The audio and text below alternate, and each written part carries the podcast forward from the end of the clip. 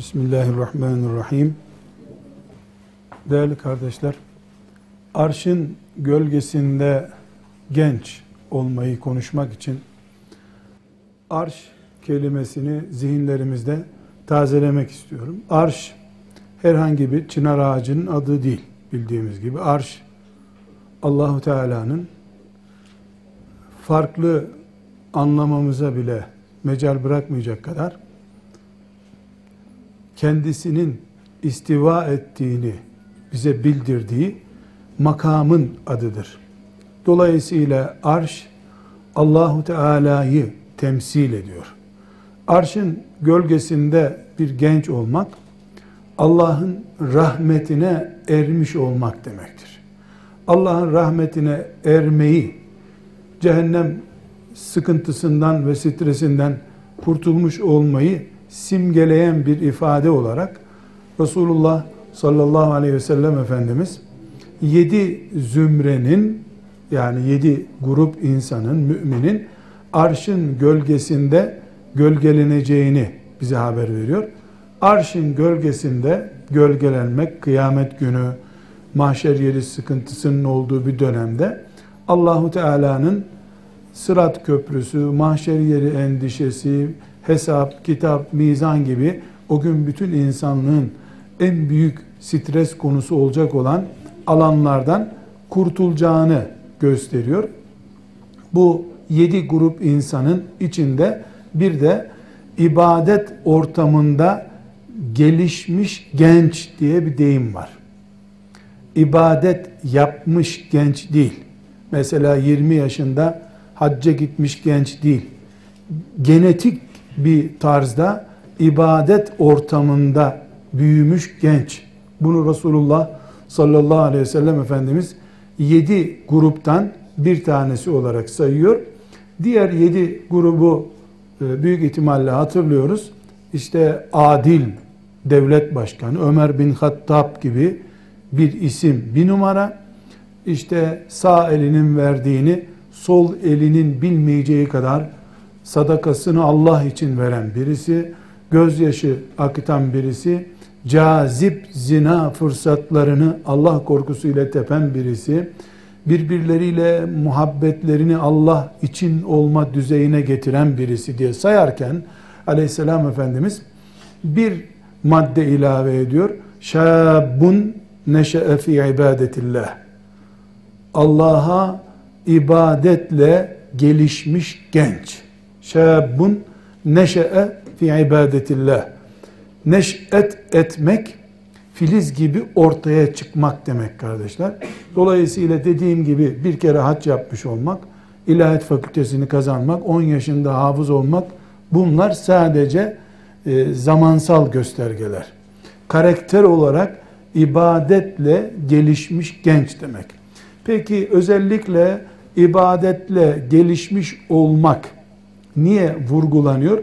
Çünkü bir gencin yetişme tarzı onun genel hayatının ne renk olacağını göstereceğinden gençliği ibadet ortamında oluşmuş bir gencin büyük ihtimalle ileriki dönemleri e, hayır üzere olacaktır. Bir, ikincisi genelde mümin aileler bile gençlerin e, ibadet dışı kalmalarını gençlik hakkından görürler. Genç bunu zaten hakkı olarak görür. Babası gibi beyaz sakalı olunca o da inşallah iyi adam olacak diye hayal eder. Ee, normalde Müslümanlar bile gence bir miktar taviz hakkı verirler. Çocuk çocuk evlendirsen 3 saat içinde evet diyecek ona cevabı hazır ama çocuk mübarek hep çocuk. Bir oturuşta yarım koyun yer o zaman çocuk değil ama çocuk hep çocuk. Bu insanlarda doğal olarak var bu kısır döngüyü aşabilen birisine yani emsallerinin ve çevresinin ayıplamayacağı ibadetsizlik atmosferine e, kırıp kendisini Allah'a adayabilen, ibadet eden birisi Resulullah sallallahu aleyhi ve sellemin gözünde Ömer bin Hattab'la aynı e, kategoriden değerlendirilecek birisi olarak önümüze konuyor.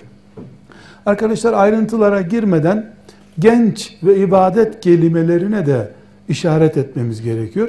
Genç kelimesi çocukluktan sonraki olgunluk yaşına kadar olan dönemi gösteriyor. Biz de biliyorsunuz çocukluk e, yaş olarak 15 yaşında biter. Blue çağı daha öne gelirse 12-13 yaşında da bitebilir.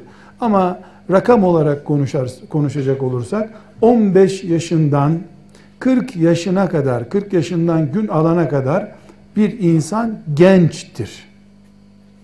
Hadis-i şerif e, ibadetle gelişmiş genç kavramını kullanırken 15 e, yaşından 40 yaşına kadar 40 yaşından gün alınca bir şeyden gün almak o yaşta olmak anlamına geliyor. 40 yaşına kadar ki döneminde ibadet ruhunu benimsemiş insandan söz ediyor demek ki. Dolayısıyla 41 yaşındakiler için e, bu geçmiş bir kervandır. 15 e, yaşından 40 yaşına kadar olan için de 36 yaşında da olsa, 38 yaşında da olsa, 39'un son 3 gününde de olsa tren o trendir. Neden? Çünkü sallallahu aleyhi ve sellem Efendimiz hadisi şerifinde bu 25 yılın her dakikası diye bir kayıt koymuyor.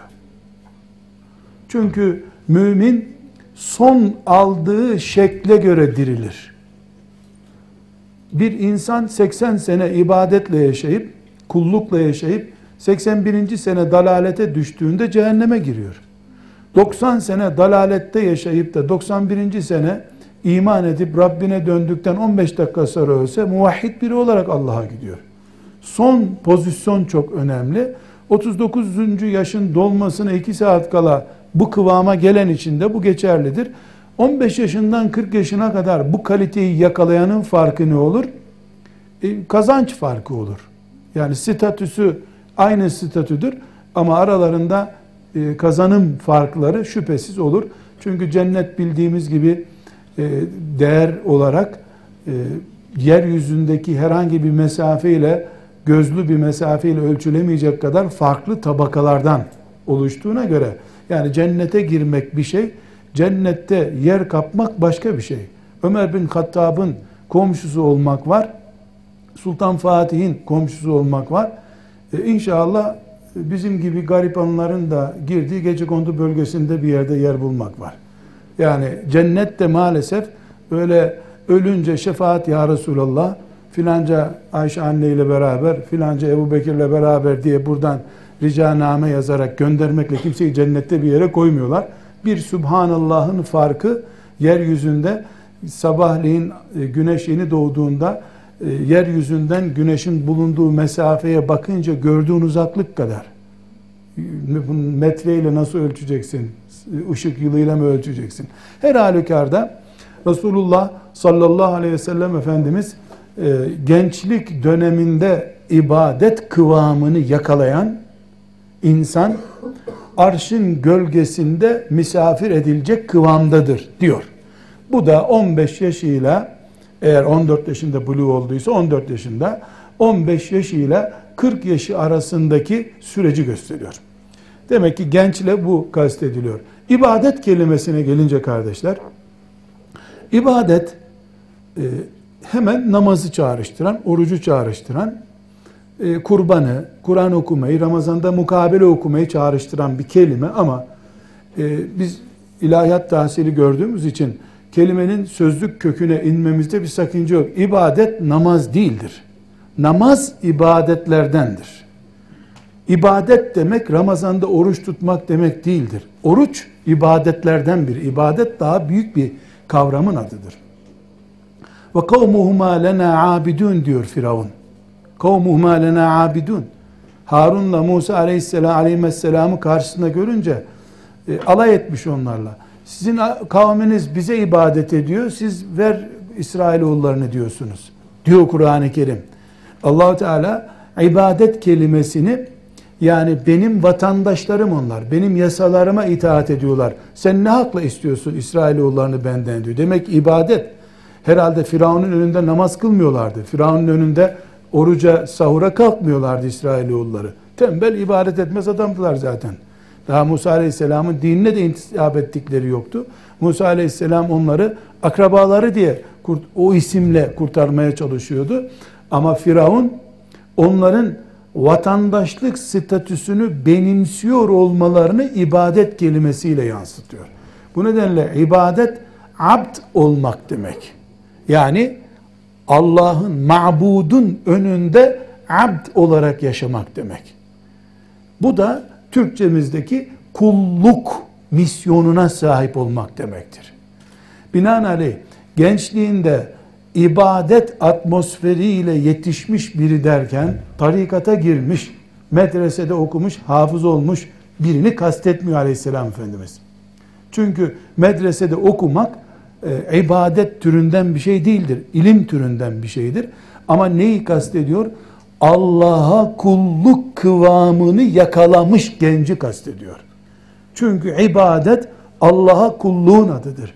Bu bazen ilim olur, bazen sabah namazı olur, bazen tesettür olur, bazen haramdan kaçmak olur. Nitekim bu ibadet kıvamını yakalamış genç deyiminin bulunduğu hadiste önüne gelen cazip ve engelsiz zina fırsatını tepen birisi bu gençle denk tutulup o da arşın gölgesinin misafiri olarak kabul ediliyor. Demek ki Allah'ın arşının gölgesinde oturup e, iyi kul, cenneti garantili bir kul olarak olmayı sağlayan şeylerden biri haramdan kaçmaktır. Allah'tan korkup haramdan kaçmak bazen 40 vakit namaz kılmaktan daha değerli. Çünkü bir haram işliyorsun 40 senelik ibadetini alıp götürüyor. Bu faizin işlemediği bir dünyada ticaret olmaz diyorsun. Haccın, zekatın, fitren neyin varsa hepsini alıp götürüyor şeytan. E, bazen öyle pozisyonlar var ki bir haramdan kaçmak, bir damla gözyaşı akıtmak, bir kelime-i tayyibe denen güzel, hoş bir şey söylemek, kullukla ifade edilen en üst düzeyden ibadetlerden birisi oluyor.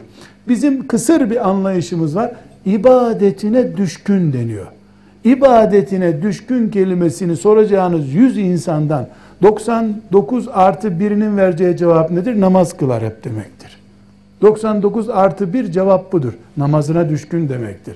Namazına düşkün namaz kaçırmıyor. Üstelik teheccüde kalkıyor. Bankadaki hesabını soruşturuyorsun. Farklı bankaların faiz oranları farklı diye farklı bankalarda hesabı var adamın. Ama ibadetine düşkün. Nasıl ubudiyet yapıyor? Kulluk nasıl oluyor ki bir elinde namaz, öbür elinde allah Teala'nın zinadan ağır gördüğü bir faiz günahı. Demek ki ibadet anlayışımız, ibadete biçtiğimiz değerde bir sıkıntı var. Asıl ibadet Allah'a kulluk kıvamında kalmaktır. Bu kıvamda kalan birisi ibadetinde kalitelidir. Bu bir gün sabah namazı kaçırabilir. Hatta cuma namazı kaçırdığı da olabilir. 5 sene başı açıkta gezmiş olabilir. 7 sene meyhanelerde çürümüş de olabilir. Sonunda geldiği nokta nedir bunun? Allah'a kulluk kıvamı ise eğer ve bunu 40 yaşından önce gerçekleştirmiş meleklerin günlük raporları bir beraat gecesinden öbür beraat gecesine kadar yıllık değerlendirmeye alındığında bu kulun son görüntüsü ubudiyet kalitesinde Allah'a kul olma kıvamında ise bu sorun bitmiştir. Arşın gölgesine aday bir gençten söz edebiliriz. Kardeşler e, hadisi şerifi hatırladık. E, genç kavramını hatırladık ve ibadet kelimesinin asıl anlamı üzerinde konuştuk. Bu asıl anlam çok önemli. Zira hadisi şerifi anlamak bir kenara, İslam'ı anlamak bile mümkün değil. E, yalan söylemeye bir sakınca veremiyor. İnsan camiden çıkarken e, hayatını kaydıracak, ibadet dünyasını sıfırlayacak yalan söyleyebiliyor. Ama yine de takva sayılıyor adam. Halbuki e, kezip yalan yehdi ilel fucur. Sonunda cehenneme sürüklüyor. Bu adam camide de olsa her camiden çıkışta söylediği yalanlar toplandığında yalancı. İndallah yalancı bu adam. Biz ibadetine düşkün diyoruz ama. Dindar deniyor. Şükürler olsun bu kelimeden de kurtulacağız herhalde yanlış kavramında. Artık mutaassıp diyorlar. Mutaassıp ne demek? Körü körüne bir şeyin üzerine giden demek. Mutaassıp ailedir, kızı alınır bunların diyorlar. Ve insanoğlunun açılım yaptığı bir zamanda körü körüne taklitçi birinin kızı alınır mı? Kız verilir mi ya da? Yani kavramların ne kadar mutaassıpça kullanıldığını örneklendirmek istiyorum. Mutaassıp aileymiş. Yani her şeyi körü körüne taklit ediyor. Muhafazakar da olmaya başladık artık. Koruyucu. Muhafazakar ne koruyor? Koruyor işte bir şeyler. Parasını koruyorsa muhafazakardır mesela. Parasını koruyor. Tabi muhafazakar kelimesi de mutaassıp kelimesi de Katolik veya Protestan Hristiyanlar için kullanılan isimler bunlar. Her şey Hristiyan menşeli kültürden alınınca Müslümanlığın anlatımı da mutaassıplıkla oldu. Muhafazakarlıkla maalesef oldu. Şimdi kardeşler bu tanıtımlardan önemlisi 21. asrın bilgisayar çağının insanları olarak Allah'ın arşının gölgesine aday Müslüman olma imkanımız bizim için var mıdır diye bir soru sormamız gerekiyor. Cevabımız kesinlikle vardır. Hem de bu var oranımız, ihtimal oranımız ashab-ı kirama göre 50 kat daha fazladır. Enes İbni Malik'ten, Üsame bin Zeyd'den, Zeyd bin Sabit'ten veya Ali bin Ebi Talip'ten radıyallahu anhum cemiyan bunların herhangi birinden sahabilik ünvanı çıkarıldığında sahabilik makamı yok. Öyle bir şey yok zaten. Ama Ebu Bekir Sıddık'ın Enes İbni Malik'in geldiği kıvam, Müslümanlık kıvamı, sahabilik bir kıvam değildir. Nasip meselesidir. Hiç kimse çalışarak piyango eseri İbrahim Aleyhisselam'ın akrabalarından olduğu için sahabe olmadı. İbrahim Aleyhisselam'ın akrabalığı sadece Peygamber Aleyhisselam Efendimizin işine yaradı. Peygamber oldu bir dua neticesi olarak.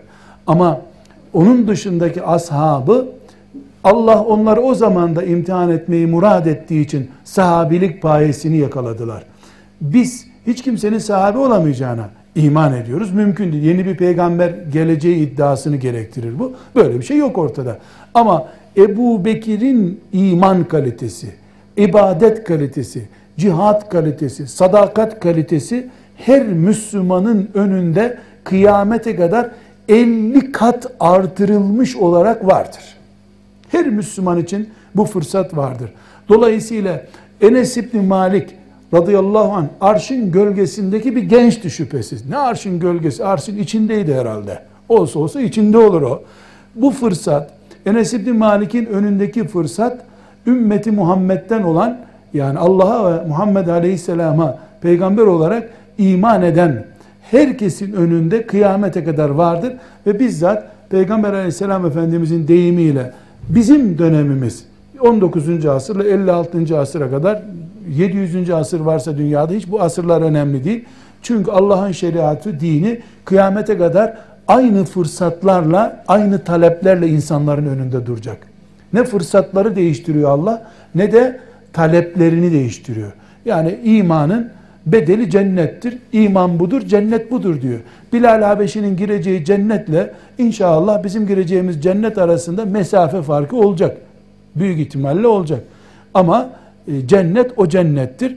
E, Bilal'in imanı ile bizim imanımız aynıdır. Bilal Ebu Cehil'in kırbacıyla sınandı. Biz de o kırbaca benzeyen bir internet kablosuyla sınanıyoruz. Bizi internet ezip duruyor. Bilal'i de Ebu Cehil ezdi durdu.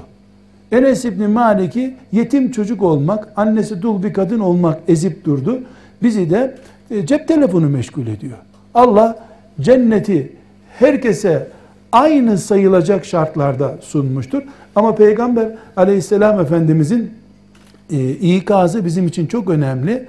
Ne diyor? Beni görmeden sadece kitaplardaki sözlerime rastlayarak bana iman edecek olanlar o nesil Allah'ın izniyle biz o nesiliz. Peygamber Efendimizin sahabe nesli, tabiün nesli, tebeün, tabiün nesli hariç bu üçü hep birbirlerine yamanarak gittikleri için onlar tek nesil gibi duruyor. Bunun dışında bu üç neslin dışındaki bütün nesillerin hepsi sizden 50 kişi kadar ecir kazanacaklar bir kişi oldukları halde diyor. Bu Medine'de Cebrail aleyhisselamın gelip gittiği bir şehirde yaşamakla bütün dünyanın fisku fucura boğulduğu bir zamanda camilerde bile müzik tonlu telefon sesleriyle ancak namazın kılınabildiği bir zamanda yaşayan Müslümana Allah'ın sunduğu fırsatlardır bunlar. Medine'de zaten Enes İbni Malik e, internet kafeye mi gidip ahlakını bozacaktı? Ne yapacaktı? Enes İbni Malik yapabileceği ne vardı? Enes İbni Malik gelseydi şimdi tıp fakültelerinde okusaydı da Enes görseydik. Bakalım o Enes o Enes mi olurdu? Neden? Enes İbni Malik kaş hareketlerine göre Allah'tan ecir kazandı veya kazanmadı. Onun Peygamber aleyhisselam kaşların niye böyle? Niye sağ ayağın hızlı attı? Niye sol ayağın? Neden? Enes İbni Malik cennet gibi bir eve girdi. Dünyada cennete girdi. Orada yanlış yapılır da melekler seni affeder mi? Ama biz cehennem gibi bir caddelerde yaşıyoruz.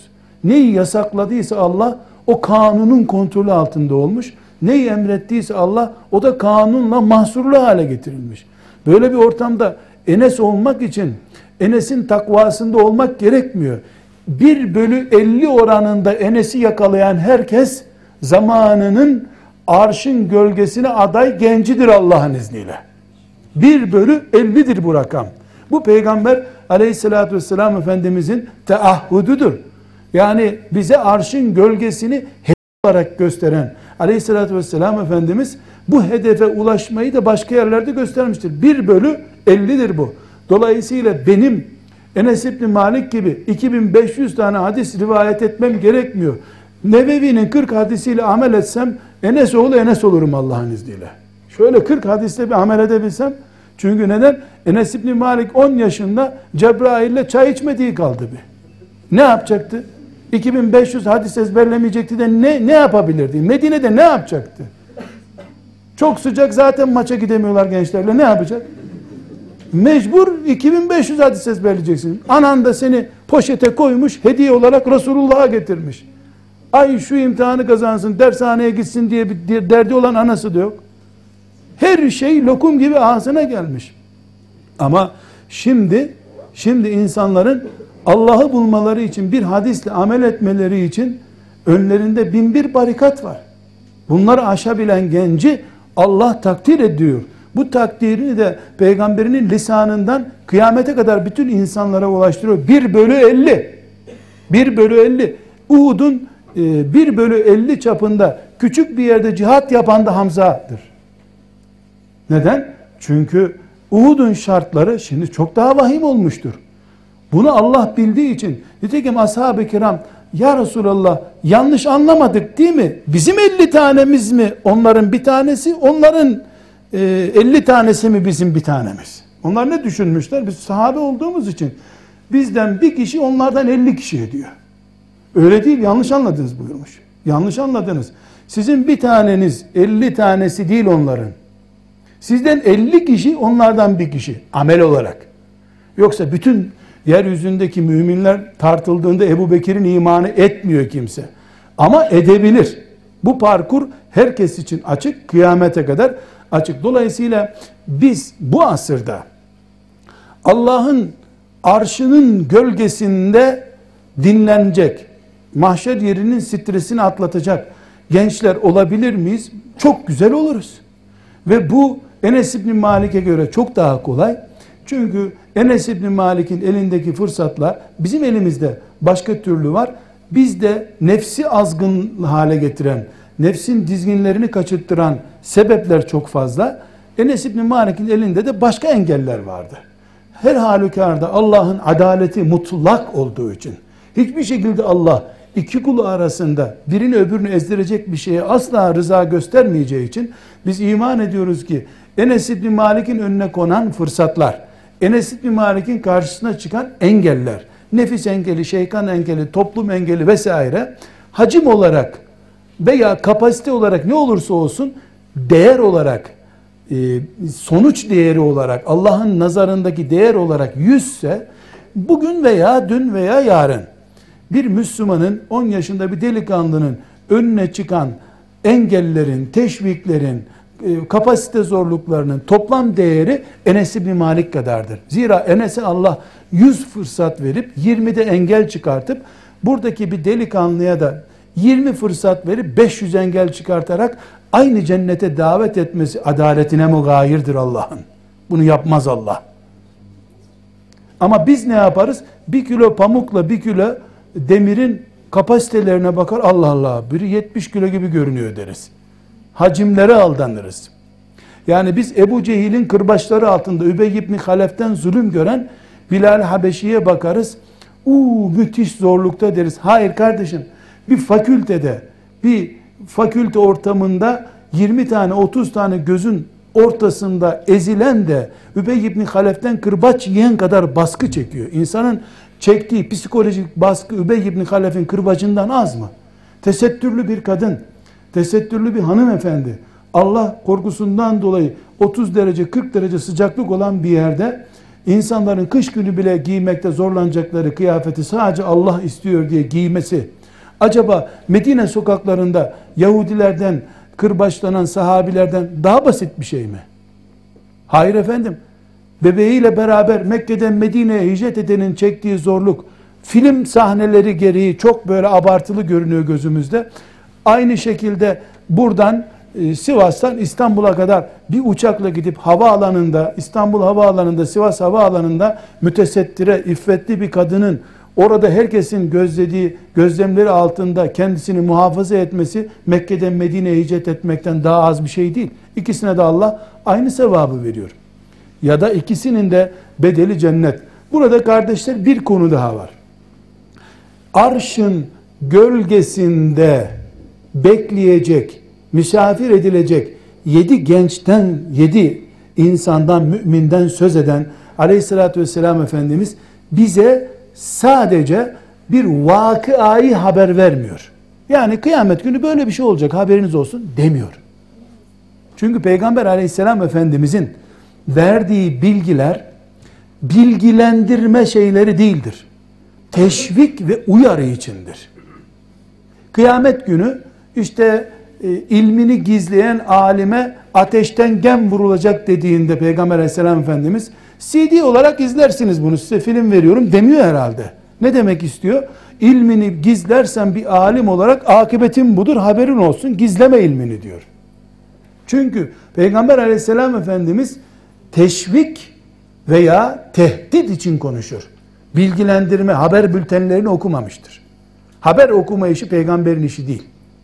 Önceki peygamberlerin, önceki ümmetlerin bilgileri de haber bülteni diye okunmadı kimseye zaten. Onlar da teşvik ve tehdit için getirilmiştir.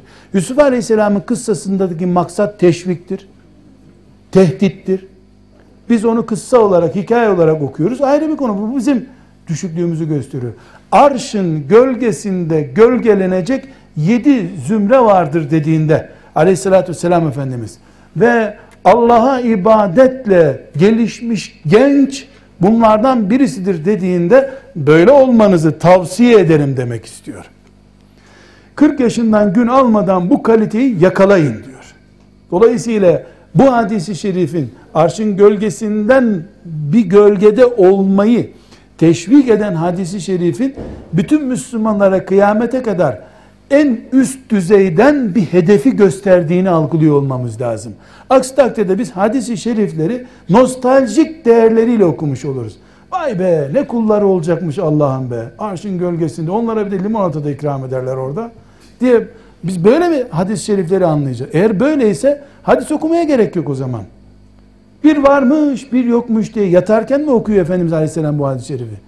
Eski anlattığı hikayeler bile ha akıbet budur ha ona göre demek içindir. Neden? Çünkü Kur'an'ın en başında huden lil muttakin. Huden lil muttakin. Takvaya giden yolu gösteren kitap bu. Dolayısıyla Kur'an'daki hiçbir hikaye bizim dediğimiz şeylerde hiçbir hikaye hikaye değil ki. Her biri hikaye uslubuyla ya tehdidi Allah'ın ya da teşvikidir. Hadis-i şerifler içinde aynı şey geçerli. Efendimiz Aleyhisselam işi gücü yok da çocuklarımıza tatlı hikayeler anlatalım diye mi İsrailoğullarından hikayeler anlatıyor?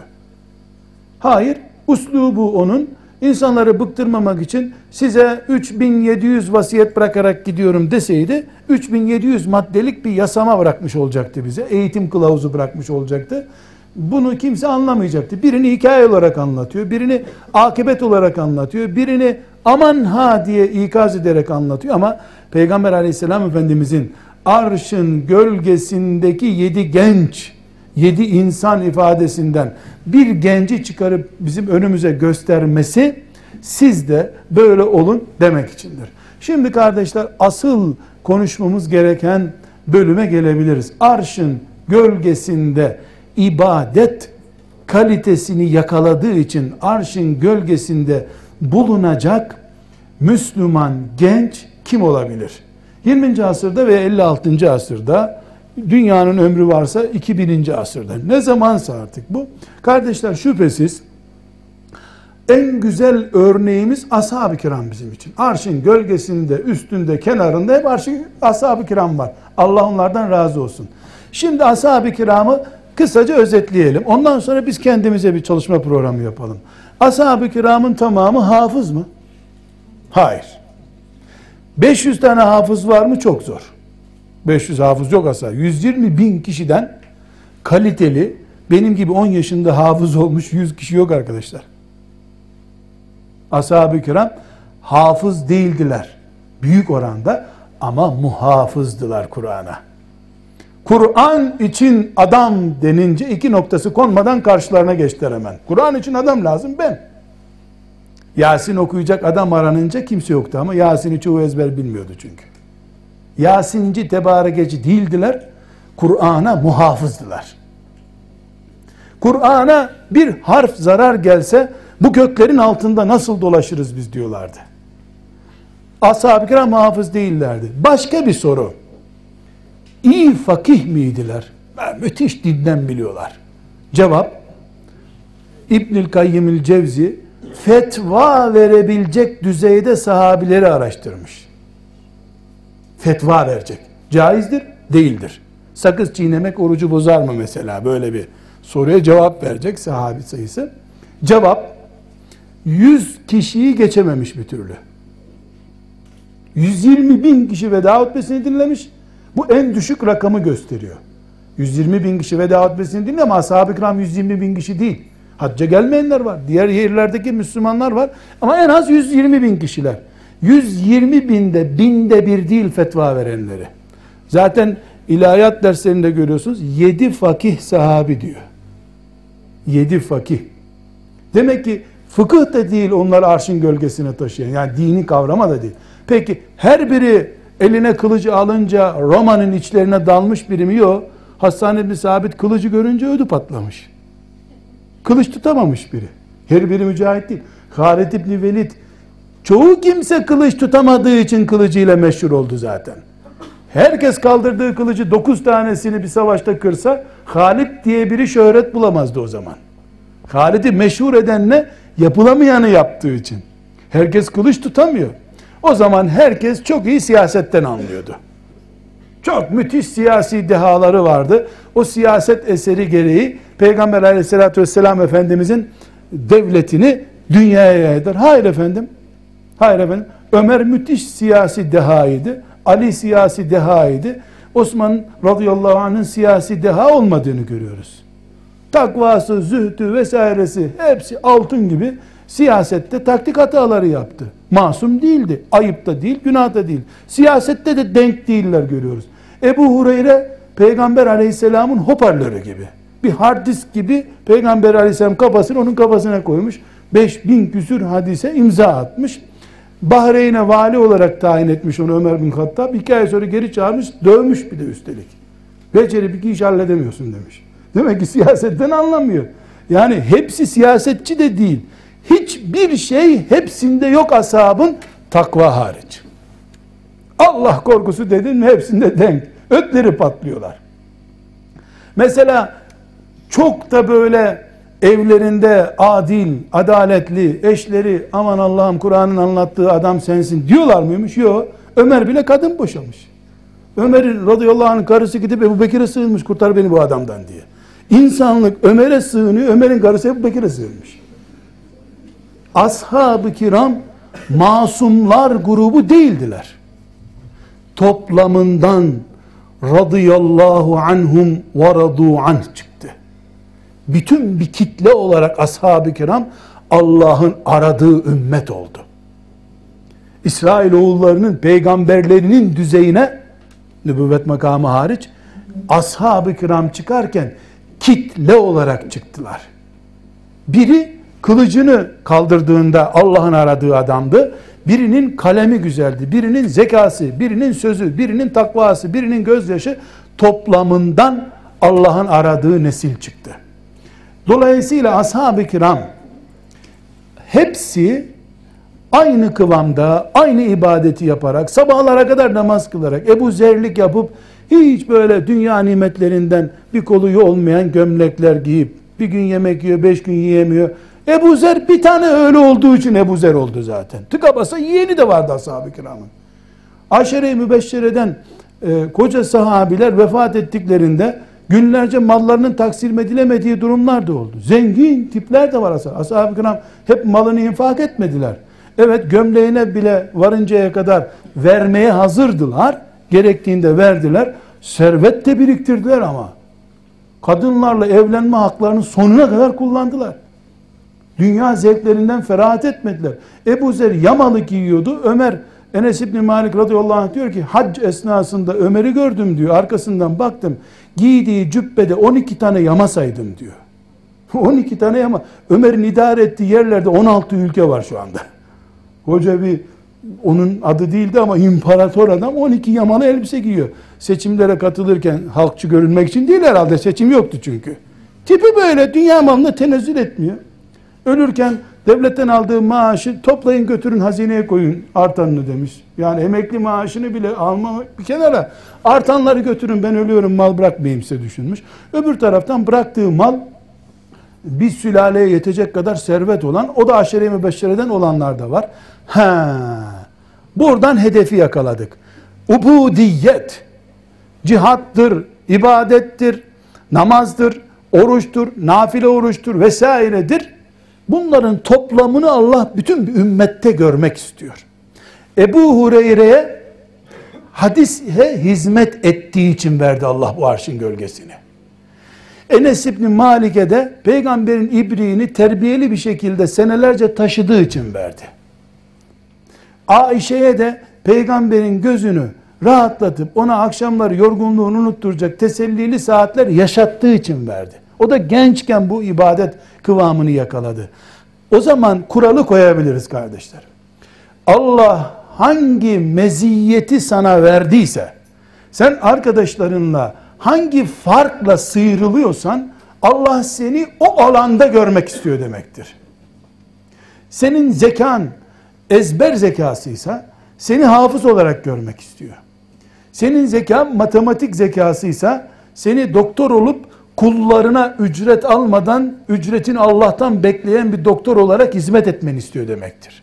Bir Allah razı olsun için bir köyün bütün sağlık taramasını yapacak doktor olarak görmek istiyor. Seni o budiyet noktasına koşmuş bir kuru olarak arşın gölgesinde bekleyecek o zaman Allah. Yeteneklerimizi zorlamamızı istemiyor Allah. Çünkü neden? İlla vus'aha. İlla vus'aha. Takatın kadar. Fettekullaha mestata'tum. Gücünüz yettiği kadar Allah'tan korkun. Sen Ebu Bekir olacağım, doğru konuşacağım derken dilini kestirmen lazım. Arasına yalan kaçırıyorsun çünkü. O zaman dilini kestir. Ömer gibi adil olacağım derken despot olursun. Herkesin yeteneği bu değil. Allah seni bir noktada görmek istiyor yalnız. Hiç kimseyi kızıl ağaç olarak, kavak olarak yaratmıyor Allah. Kavağı çünkü kavak olarak yarattı en basit gördüğümüz ya da üniversite puanı en düşük olan arkadaşımız deyip genççe konuşayım şimdi. Üniversite puanı 0,0 gibi bir rakam bile olsa onu da en azından cahilliğin insanı ne hale getireceğini göstermek için numune olarak yaratmıştır. Allah o da numune olarak fotoğraf çektirsin. Herkese Allah bir meziyet vermiştir. En azından hiçbir iş beceremeyen bir kulunu hadisi şerifte hatırlıyoruz değil mi? Geliyor ben bunu yapamam, bunu yapamam, bunu yapamam, bunu yapamam ama cennete de girmek istiyorum diyen yani nafile ibadetlerden. Sabah işte şunu yapamam git hasta ziyaret et. Ben kendim hastayım zaten diyor. E peki o zaman bir Müslümana tatlı söz söyle. Benim moralim kırık zaten diyor. Efendimiz Aleyhisselam ne buyuruyor? kimseye zararın olmasın senin de sadakan budur diyor. Çünkü sen ümmetin başına belasın. Her vakıftan sadaka isteyeceksin, yardım isteyeceksin. Ulan otur oturduğun yerde sen zarar vermediğin için Allah senden razı olsun. Yani gölge etme, zarar da Demek ki herkes, hadisi şerif arkadaşlar, herkesin becereceği bir yeteneği var. Kendimizi zorlamamız gerekmiyor. Bu yeteneklerimizde ihlasla becerip sıyrıldığımız zaman arşın gölgesine Allah'ın izniyle adayız. Ancak alt şartları var tabi. Bir, haramlar insan bedeninde kanserdir. Koca pehlivan da olsan üç kanser mikrobuyla ahireti boylarsın. Çok güzel bir kuzuyu bir oturuşta yiyordu hikaye olur ondan sonra. Seni kuzu değil böcek yer. Sen kuzuyu yiyordun ama şimdi böcekler yer seni. Onun için arşın gölgesi standartları bir haramla bağın olmayacak. Sıfır haramlı insan yok. Peygamberler hariç. Kemal Allah'ın İsmet peygamberinin hep ama haram turşusu kurmak da yok. Mümin haram işler. Düşer. Ama o haramı turşulaştırmaz. O gün ondan tövbe eder, kurtulur fe ulaike yubeddülullahu seyyiatihim hasenat olur. O haram sayesinde de ecir kazanır bu sefer. Öyle bir Allah'ın var senin. Yani haram işliyorsun. Bunun adı piyango olur, kumar olur, anaya babaya isyan olur. Bir haram işliyorsun. Sonra tevben samimi ise Allah yubeddilullahu seyyiatihim hasenat. O günahın kadar sevap yazıyorsun. Demek beş fıçı şarap içen tövbe edince beş fıçı zemzem içmiş oluyor herhalde. Yedi fıçı şaraptan tövbe eden şimdi insan düşünüyor ki o zaman bol bol günah işlemek lazım. Bollaştıkça günahlar dönüş zorlaşıyor. Çünkü Allah seni sıfır noktasında bekliyor. Bir kere bir şarap içtin mi 10 kilometre ötedesin. İkinci şarapta 20 kilometre. 20 sene şarap içtin mi 250 bin kilometre ötedesin. Dönüp gelmek çok zor o yollardan. Bir geri baktın mı buraya uzay aracıyla bile gidilmez diye düşündürüyor şeytan o zaman. Onun için 99 kişi artı bir kişi öldürüp Allah'a giden meleklerin törenleriyle karşılandı. Neden? Bir kişinin katili olarak tövbe etmek çok kolaydı. 20 kişinin katili olarak tövbe etseydi daha kolaydı. 50 kişinin katili çok zor. 100 cana kıydıktan sonra yürüyerek de olsa bu kainattan çıkarım ben. Allah yeter ki beni kabul etsin dedin mi? O zaman işte yer gök seni kabul eden bir törene hazırlanıyor. Çünkü beş kişinin katili tövbe eder de yüz kişi katil kolik kardeşim nasıl tövbe edecek ya?